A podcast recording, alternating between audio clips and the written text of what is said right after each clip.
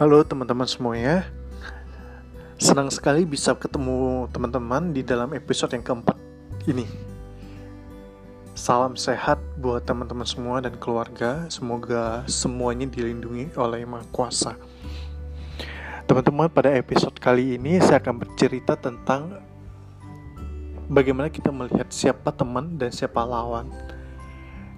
Kita mungkin pernah mendengar mendengarkan istilah musuh dalam selimut serigala berbulu domba.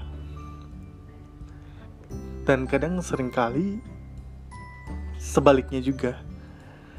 Maksudnya kalian mungkin melihat orang kok kayaknya jahat dengan kalian. Kok rese ya orang ini. Tapi sebenarnya orang tersebut punya niat baik terhadap kita semua. Cuman kita sering kali mensalahartikan. Malah kita sering merasakan musuh kita adalah teman karena mereka bersikap begitu baik kepada kita. Nah, salah paham seperti ini seharusnya tidak terjadi karena teman yang punya ketulusan seperti itu menurut saya jangan sampai disakiti.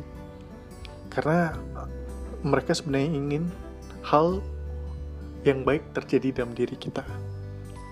Saya punya sebuah kisah yang sangat menarik. Semoga saja ini bisa mengingatkan kita untuk tidak cepat berasumsi, tidak cepat menuduh, tidak cepat menyalahkan orang-orang yang bermaksud baik kepada kita. Nah, di sebuah daerah ada seekor burung kecil yang terbangun dari tidurnya. Ia terkejut karena baru menyadari kawanan burung lainnya sudah pergi dari kawasan tersebut karena ada prediksi bahwa kawasan tersebut akan segera direnda oleh hujan badai salju. Sehingga uh, sang burung kecil ini cuma bisa memilih untuk bertahan di sarangnya saja. Tetapi karena rasa lapar yang sangat tinggi, karena dia sudah tidur seharian, dia akhirnya memilih untuk coba keluar di tengah salju yang deras itu.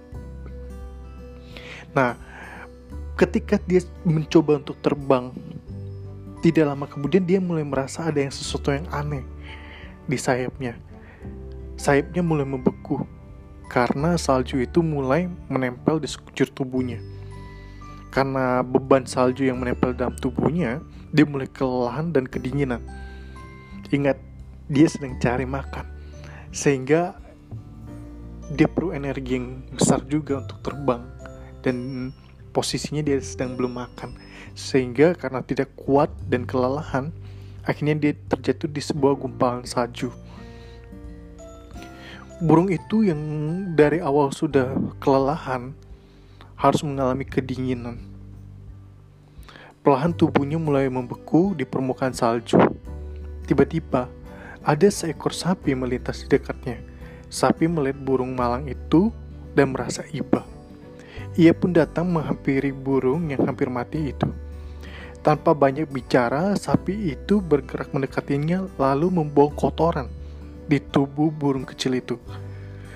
Burung kecil yang menyadari itu terperanjat dan marah sekali kepada sapi yang membawa kotoran di tubuhnya. Apalagi ia tidak mengenal sapi sapi itu Burung itu pun bersumpah suatu hari nanti akan membalas apa yang telah diperbuat sapi itu kepadanya. Tetapi beberapa menit kemudian kotoran sapi yang panas itu ternyata membuat tubuh sang burung itu menjadi hangat kembali. Perlahan ia mulai merasakan aliran darahnya di seluruh tubuhnya. Kondisi burung itu pun mulai membaik. Ia pun mulai bisa menggerakkan tubuhnya dan berusaha untuk keluar dari kotoran sapi yang masih menyelimuti tubuhnya. Ketika ia sedang bersusah payah keluar dari kotoran sapi, tiba-tiba datang seekor kucing besar dengan sorot mata yang tajam. Kucing itu perlahan-lahan bergerak mendekatinya, membantu mengangkatnya dari kotoran sapi, kemudian membantu mencuci tubuhnya yang kotor itu. Setelah tubuh burung kecil itu bersih, sang kucing membuatnya sepanas agar burung kecil itu bisa kembali hangat. Sang burung diperlakukan begitu baik oleh sang kucing itu. Burung kecil itu pun mengucapkan banyak terima kasih untuk apa yang sudah dilakukan oleh sang kucing. Berbeda yang dilakukan oleh sapi yang dia temui sebelumnya. Sang kucing hanya tersenyum melihat kepolosan burung tersebut. Tak lama kemudian sang kucing tiba-tiba menyergap burung kecil itu dengan cakar dan taring yang kuat.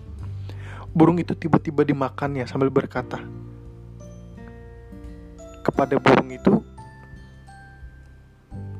Bila kamu bersih, aku tidak akan menjadi jijik untuk memakan dirimu.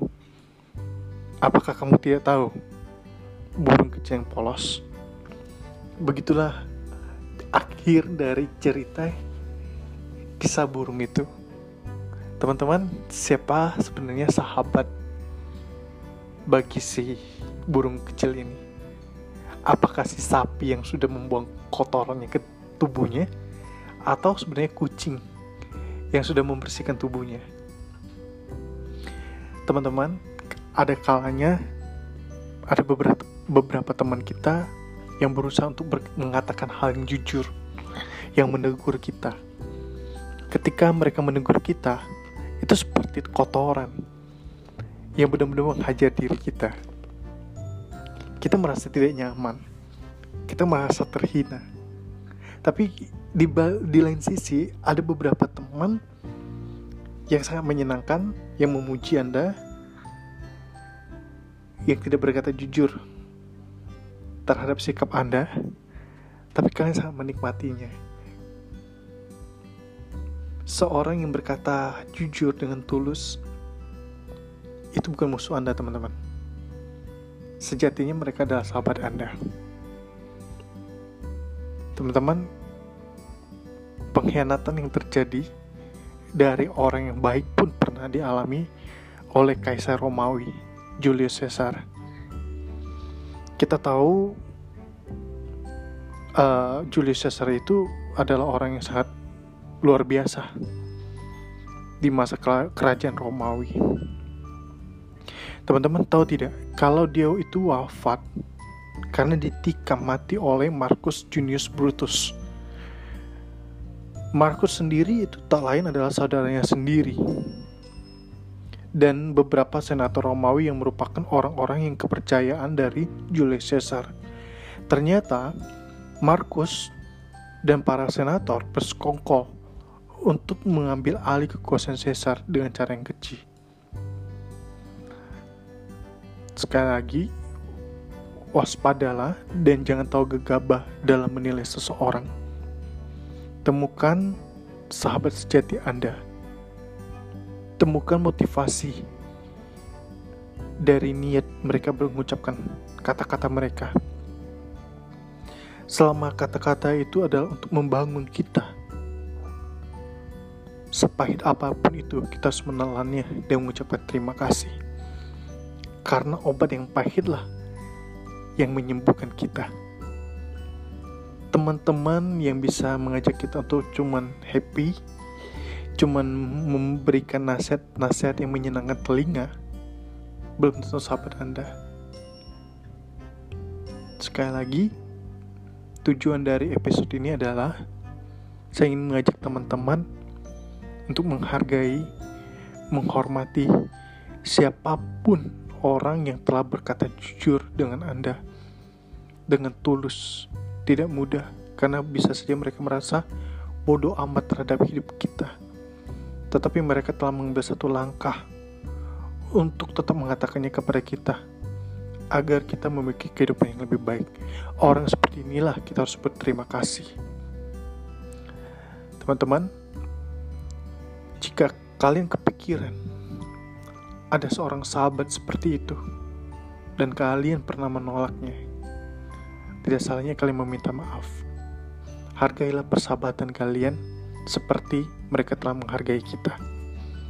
Sampai jumpa di episode berikutnya, dan semoga kalian menemukan sahabat yang sejati.